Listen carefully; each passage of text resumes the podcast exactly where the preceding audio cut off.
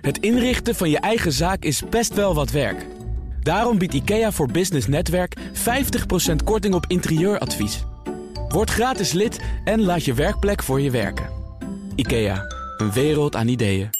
Werknemers rustig hun beurt afwachten. En het is weer bijna Prinsjesdag. Wat moet Den Haag dit jaar gaan doen voor ondernemers? Dat en meer bespreek ik in het ondernemerspanel. En daarin zit Mark Berendsen, directeur en partner bij Start.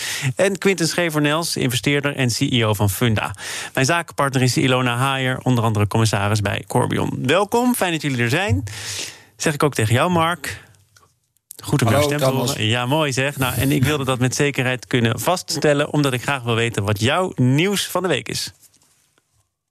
Mijn nieuws uh, gaat over uh, Adam Curry. Een, uh, een, stem uit het verleden, denk je wellicht. Ik luisterde in ieder geval al naar Adam toen hij op de Amsterdamse Piraat Radio Decibel zat, jaren 80. Maar hij heeft van de week iets moois nieuws aangekondigd. als podfather, want hij is de uitvinder ja, ja. van de podcast. En als iemand die geschiedenis uh, uitvoerig wil horen, moet hij maar eens luisteren naar uh, Joe Rogan's aflevering 1436, waar Adam dat uitvoerig uit de doek heeft gedaan. Maar goed, Adam maakt zich uh, zorgen om podcasts en, en wel de, de, de, verkrijgbaarheid daarvan. in de cultuur van het deplatformen. ben je afhankelijk van, van de toestemming van Apple of Spotify of Pandora. of je podcast wel wordt doorgegeven aan die apps. En uh, er is ook nog de trend van machtsconcentratie. Hè? Bijvoorbeeld Joe Rogan, waar ik het net al over had, is nog maar exclusief op uh, Spotify te horen. Voor een deal van naar verluid 100 miljoen. Uh, en Adam uh, gaat een nieuw ecosysteem lanceren. Dus niet een platform, maar een ecosysteem. Dus eigenlijk een open index waar alle podcasts op vinden, te vinden zullen zijn.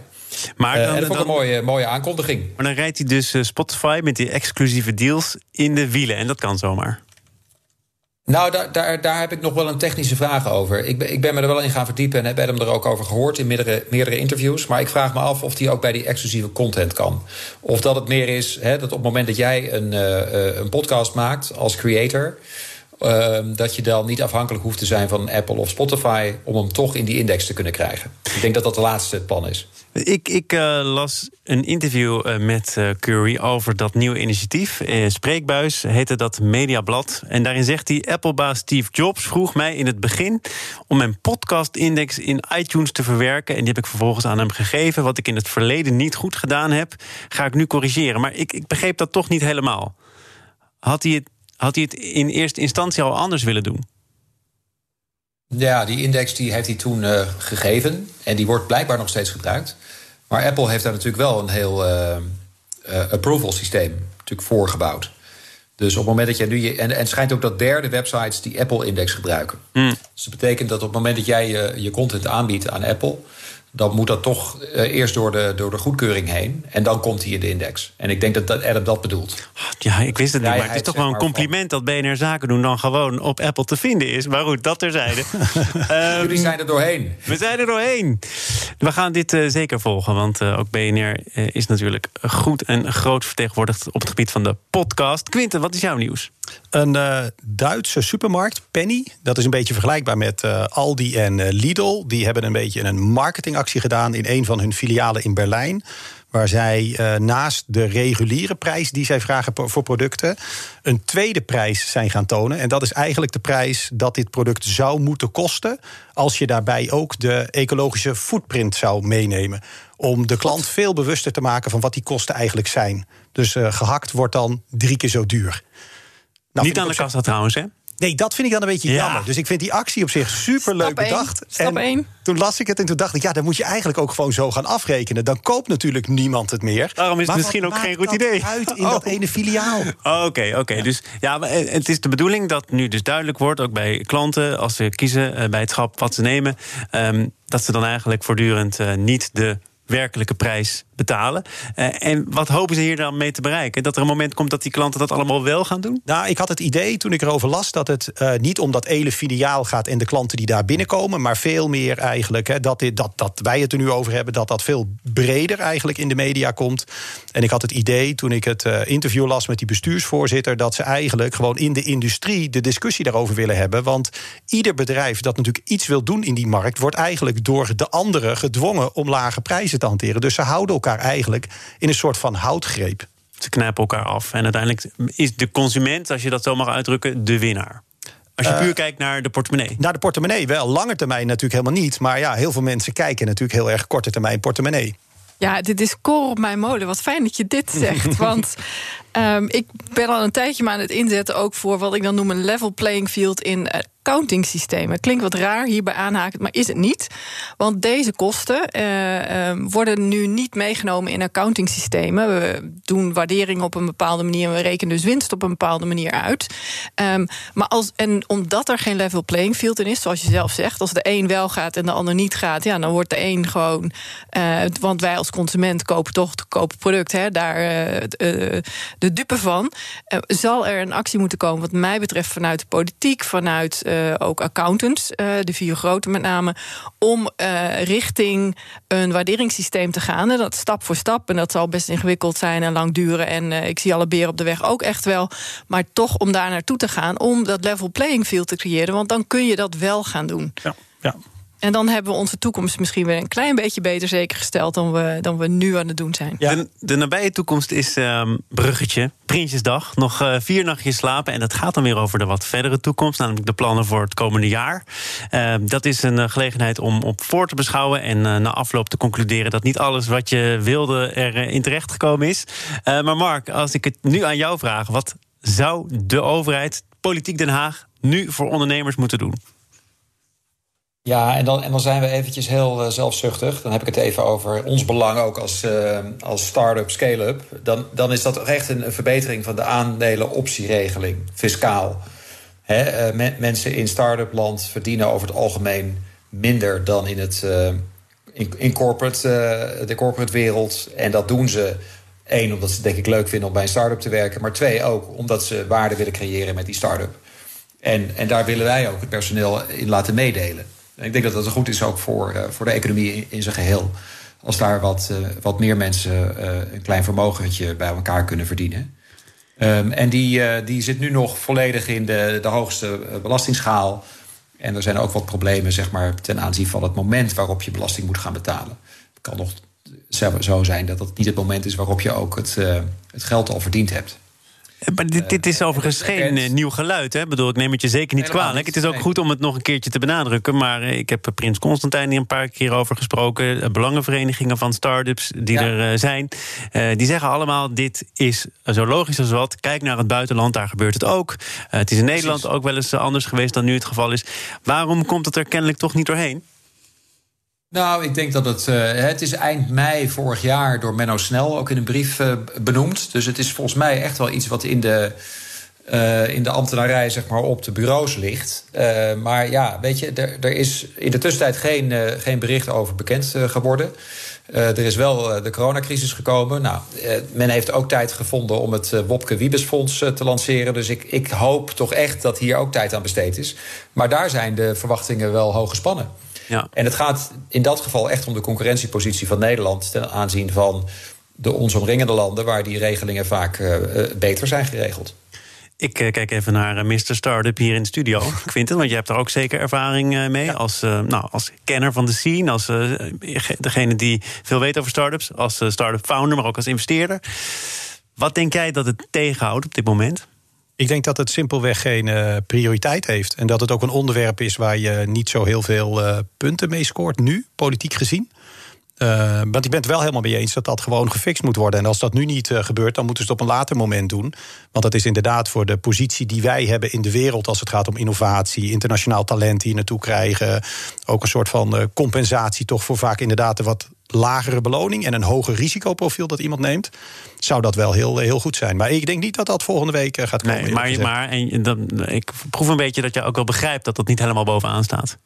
Nou ja, gezien de coronacrisis nu en uh, dreigende werkloosheid die uh, door omhoog zal gaan en bedrijven die failliet gaan. Ja, als ik minister van Financiën was, was dit niet het eerste waar ik uh, over zou gaan nadenken. Nou, maar jij zou toch ook kunnen zeggen, heer, en dat wordt ook meerdere keren ook betoogd in dit programma. Ja, maar juist op de puinhopen van de crisis ontstaan weer mooie nieuwe bedrijven. En die moet je proberen te stimuleren. Ja, ja, ja. Probeer het maar eventjes. Ja. Nee, nee, nee, maar dat ben ik helemaal met je eens. Maar ik denk dat er heel veel andere manieren zijn om dat ook te doen. Hè. Dus kijken naar de WBSO-regeling die er is. Hoe je Oeh, dat ging even heel snel. Welke regeling is dat? De WBSO-regeling. Dat is eigenlijk een regeling dat op uh, geld dat je uitgeeft als onderneming aan innovatie, dat je uh, in ruil daarvoor eigenlijk belastingvoordeel krijgt.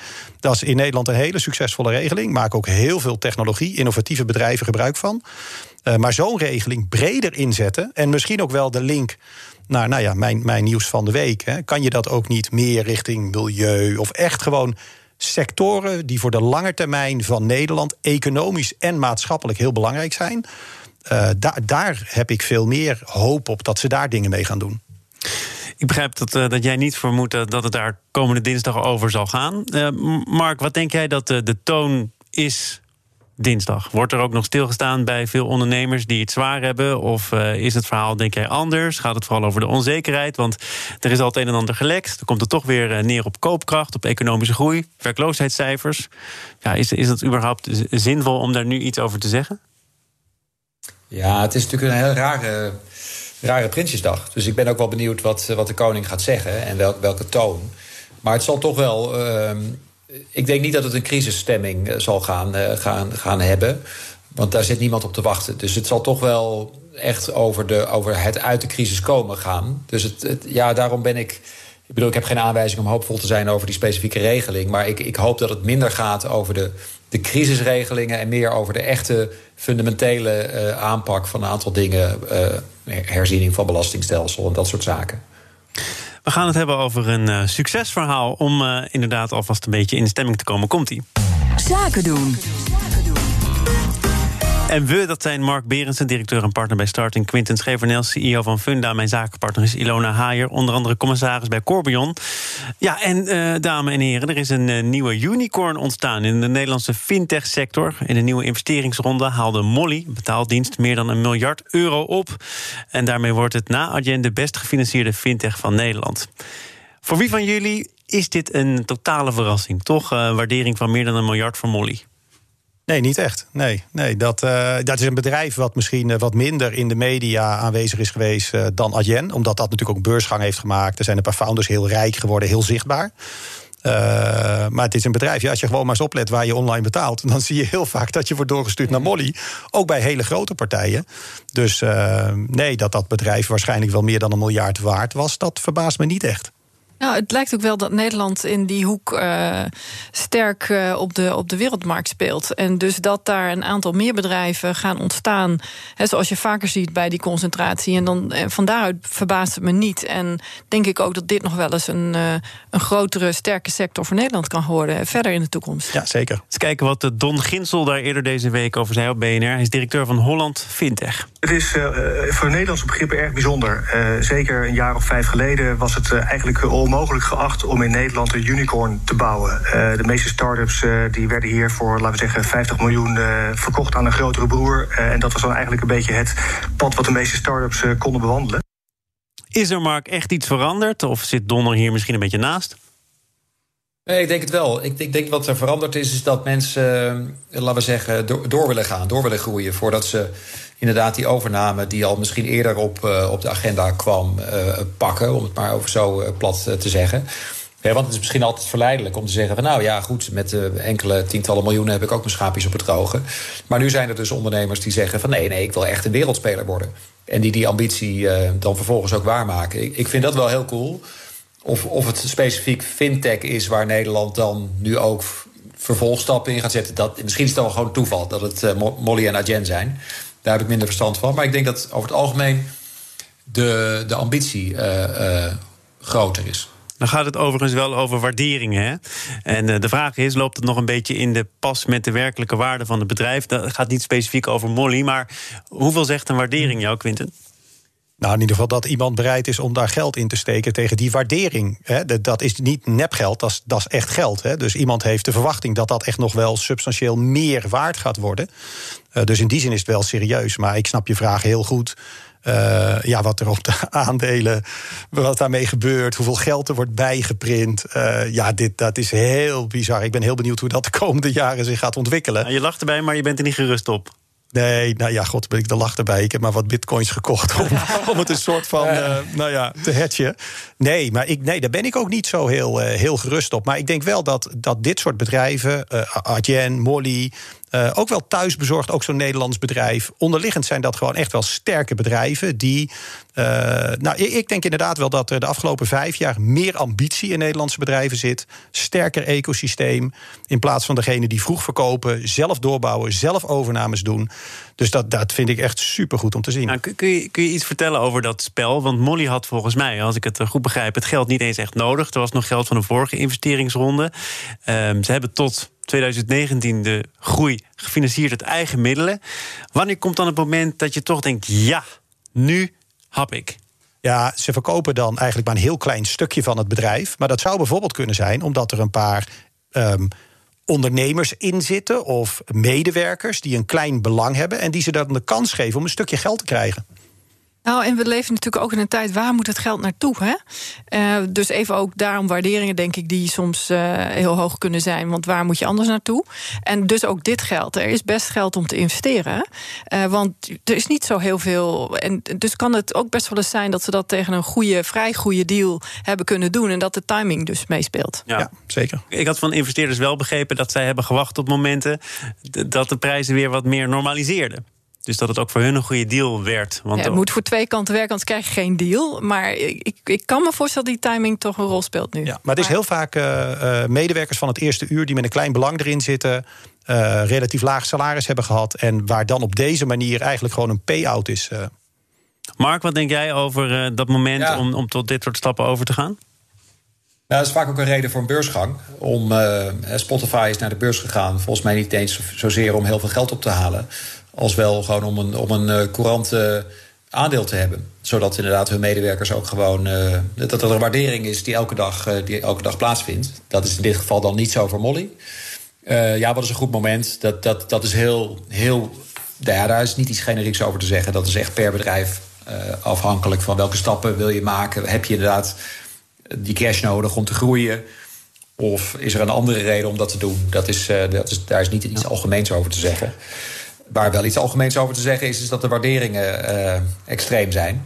Uh, met, te, met, Tesla voorop. Die ja. op het moment dat ze zijn aandeel splitten in vijf, uh, eh, 40% groeit. Dat, dat slaat natuurlijk op zich nergens op. Maar het gebeurt wel. Uh, en een van de redenen daarvoor is weer een enorme aanzuiging van particuliere be beleggers. Hè? In Amerika met hun appje van Robinhood. Ja, ja, ja. Ehm, toevallig een klant van ons. Maar oh, dat heel toevallig.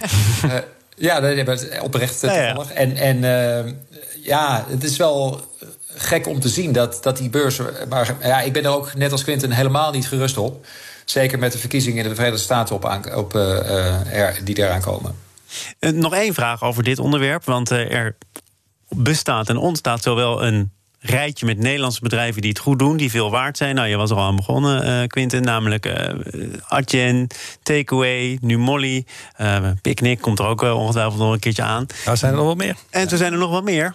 jij zit er dieper in dan ik. Maar kan dat uiteindelijk iets teweeg brengen waardoor er zoiets ontstaat als: goh, Nederlandse bedrijven, dat, dat, is, dat is goed spul, daar, daar moeten we wat mee, dat je internationaal in de kijker komt te staan? Ja, zeker. Ja, absoluut. Ja, weet ik zeker. Je wordt veel aantrekkelijker voor internationaal talent. Je wordt aantrekkelijker voor de ondernemers. Je ecosysteem wordt sterker. We krijgen gewoon heel veel meer rijke internetondernemers. die geld ook weer waarschijnlijk gaan terug investeren in datzelfde ecosysteem. Dus ik ben ervan overtuigd dat je daarmee uh, in Europa echt een van de hubs kan worden voor, uh, voor succesvolle internetbedrijven. Wie daar meer over wil weten, die moet BNR Zaken nog goed in de gaten houden. Want oprichter van Molly, Adriaan Mol, is binnenkort te gast in dit programma. Leuk. Ik um, wil afronden met uh, de commerciële coronatestlocaties. Die zijn populair omdat uh, de GGD het niet kan bijbenen. Uh, omdat er problemen zijn met de laboratoria ook. Die zijn overbelast. Je kunt het nu op een andere manier doen. Je hebt sneller de uitslag, maar je betaalt wel wat meer.